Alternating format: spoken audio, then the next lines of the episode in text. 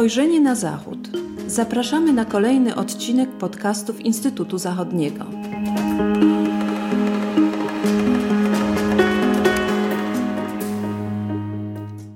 Dzień dobry, z tej strony Agata Kołobunowska. Witam Państwa w kolejnym odcinku podcastów Instytutu Zachodniego. Jest dzisiaj ze mną analityk Instytutu Zachodniego dr Piotr Andrzejewski, z którym chciałabym porozmawiać o bieżącej sytuacji w Austrii. Dzień dobry. Dzień dobry Państwu. Trzy miesiące temu, w 36. odcinku naszych podcastów, również rozmawialiśmy o Austrii w związku z dość e, niespodziewaną rezygnacją kanclerza Sebastiana Kurza. W tym krótkim czasie w Wiedniu mieliśmy już trzech kanclerzy.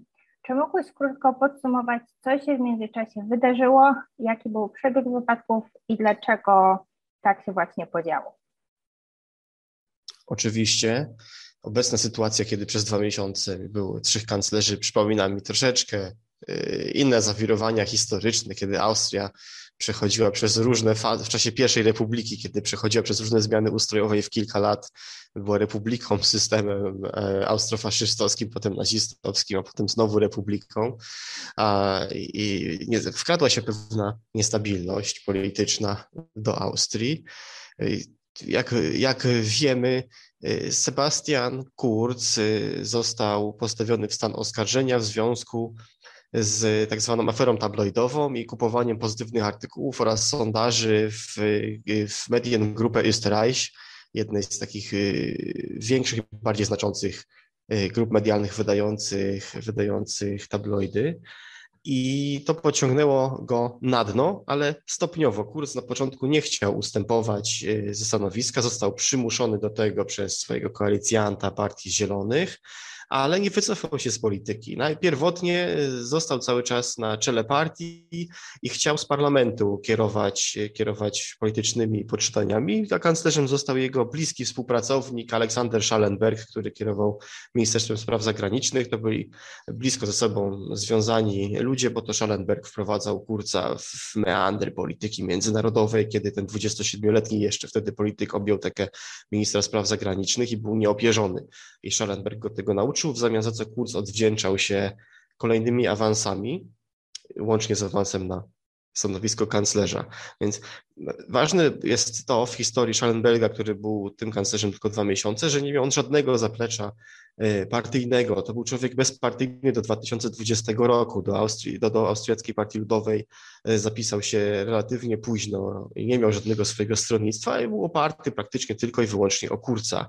I to jest ważna informacja, dlatego że kiedy na początku grudnia Sebastian Kurz ogłosił, że całkowicie odchodzi ze świata polityki i rezygnuje z przewodnictwa FVP, w Austriackiej Partii Ludowej, no to wtedy Schallenberg nie miał już żadnego politycznego oparcia.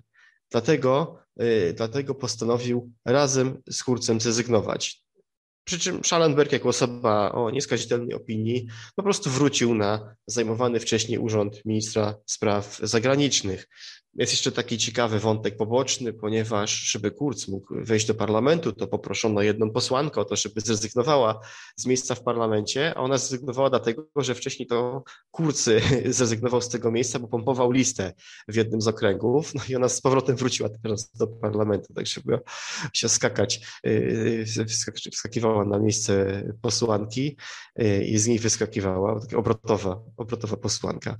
No niemniej jednak doszło do tego, że doszło do tego, że partia zdecydowała, że potrzebne jest polityczne połączenie funkcji przewodniczącego partii oraz, oraz połączenie funkcji kanclerza. No bo przy Kurcu i Schallenbergu te dwie funkcje były rozdzielone i to było niezgodne z austriackim obyczajem politycznym, który jest jeszcze w tym państwie żywy i ważny. Kultura polityczna w II Republice Austrii jest bardzo ważna, są pewne tradycję, ciągłość, która datuje się jeszcze do czasów Austro-Węgier, bo wtedy też już funkcjonował parlamentaryzm.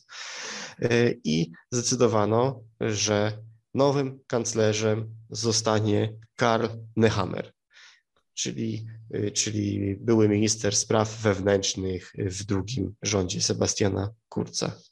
Mhm, do tego nowego kanclerza za chwilę e, przejdziemy.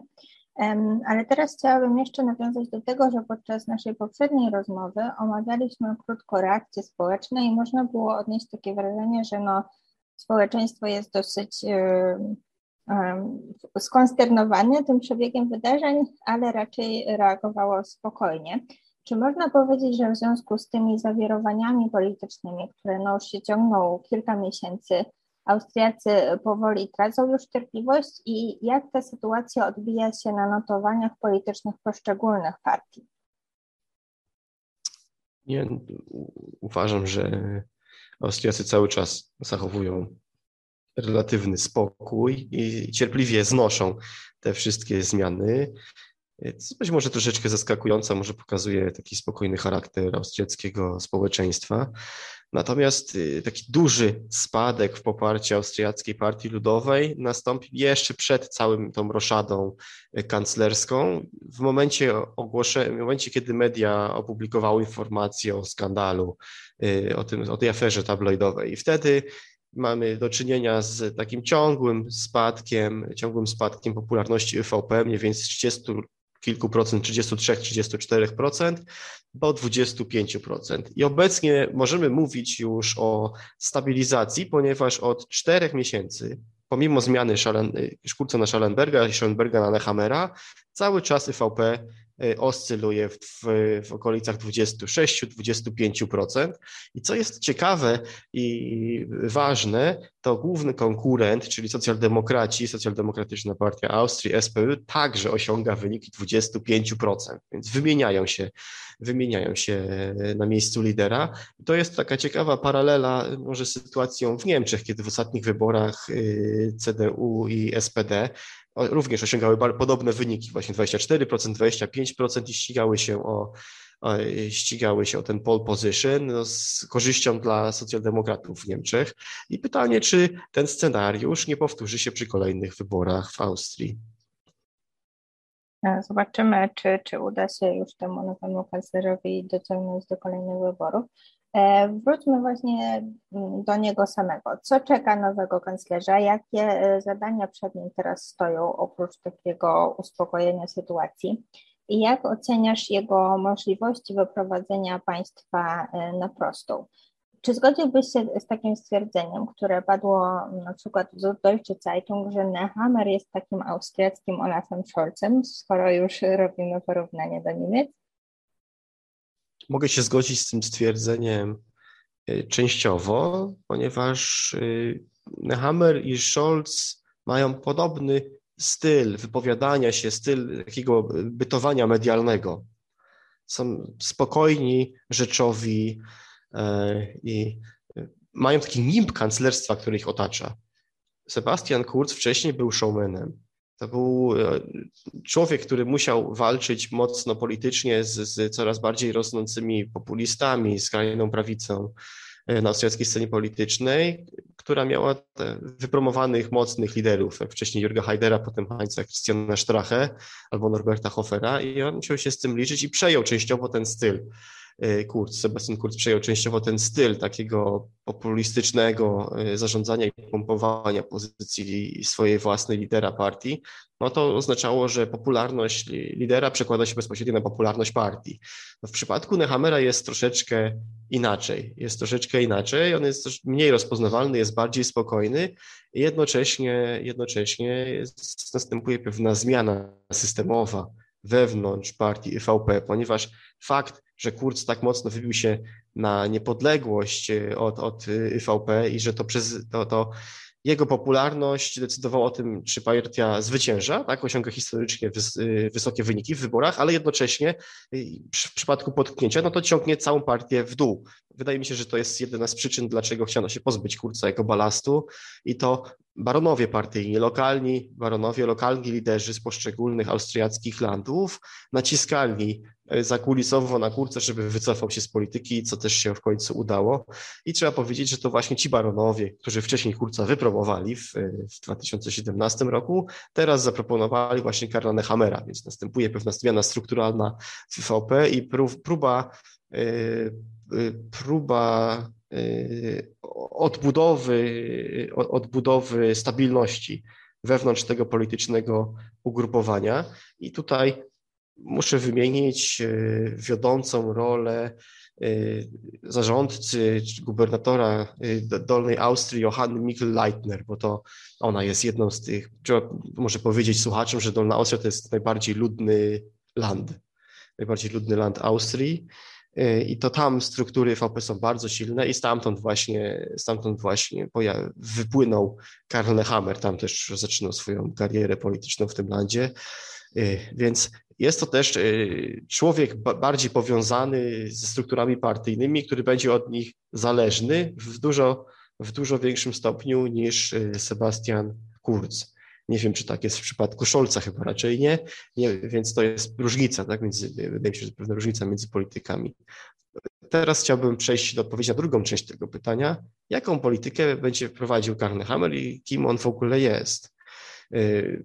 Być może jego spokojny i wyważony ton jest rezultatem tego, że Hammer przez wiele lat był zawodowym żołnierzem, zawodowym wojskowym, gdzie nauczył się odpowiedniego drylu, musztry, do, do, doszedł do stopni oficerskich, a dopiero później, po, po pracy, karierze wojskowej, ukończył studia z komunikacji politycznej. Potem piął się powolutku po szczeblach kariery partyjnej jako rzecznik, potem sekretarz generalny organizacji, y, specjalista spraw komunikacji i dopiero w 2020 roku objął funkcję ministra spraw wewnętrznych. No i objął ją w bardzo nieszczęśliwym momencie, bo wtedy wybucha pandemia.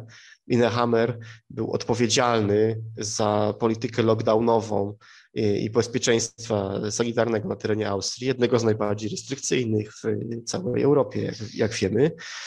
E, I jednocześnie y, w sprawach migracji, które też pod bezpieczeństwa granic, Nehammer był takim, ciągle jest, hardlinerem, czyli osobą, która krytykuje otwarcie unijną politykę migracyjną.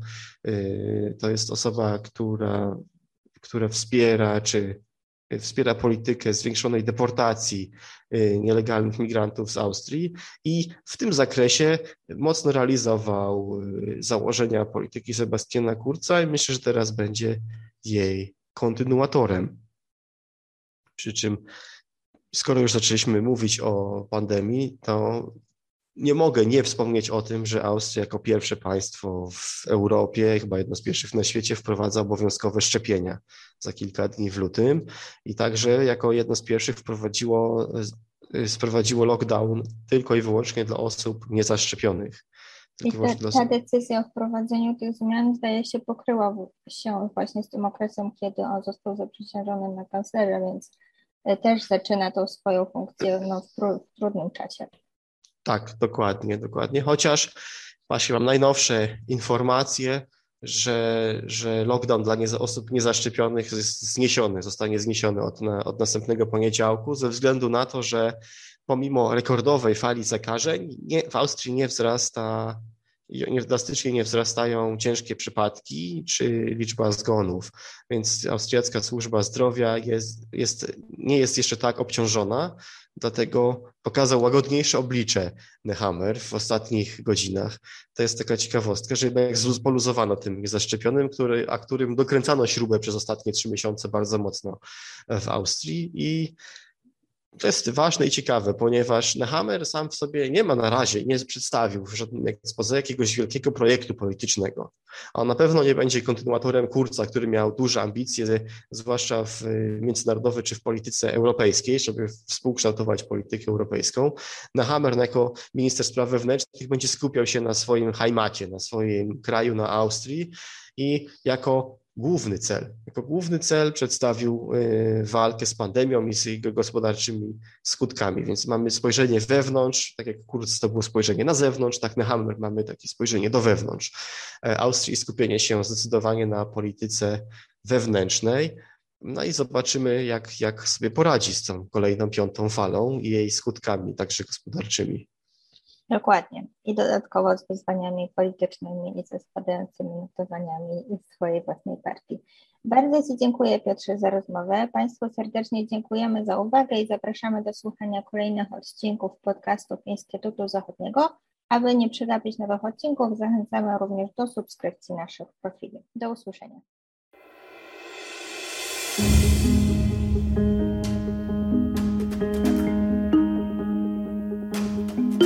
Spojrzenie na Zachód. Podcasty Instytutu Zachodniego.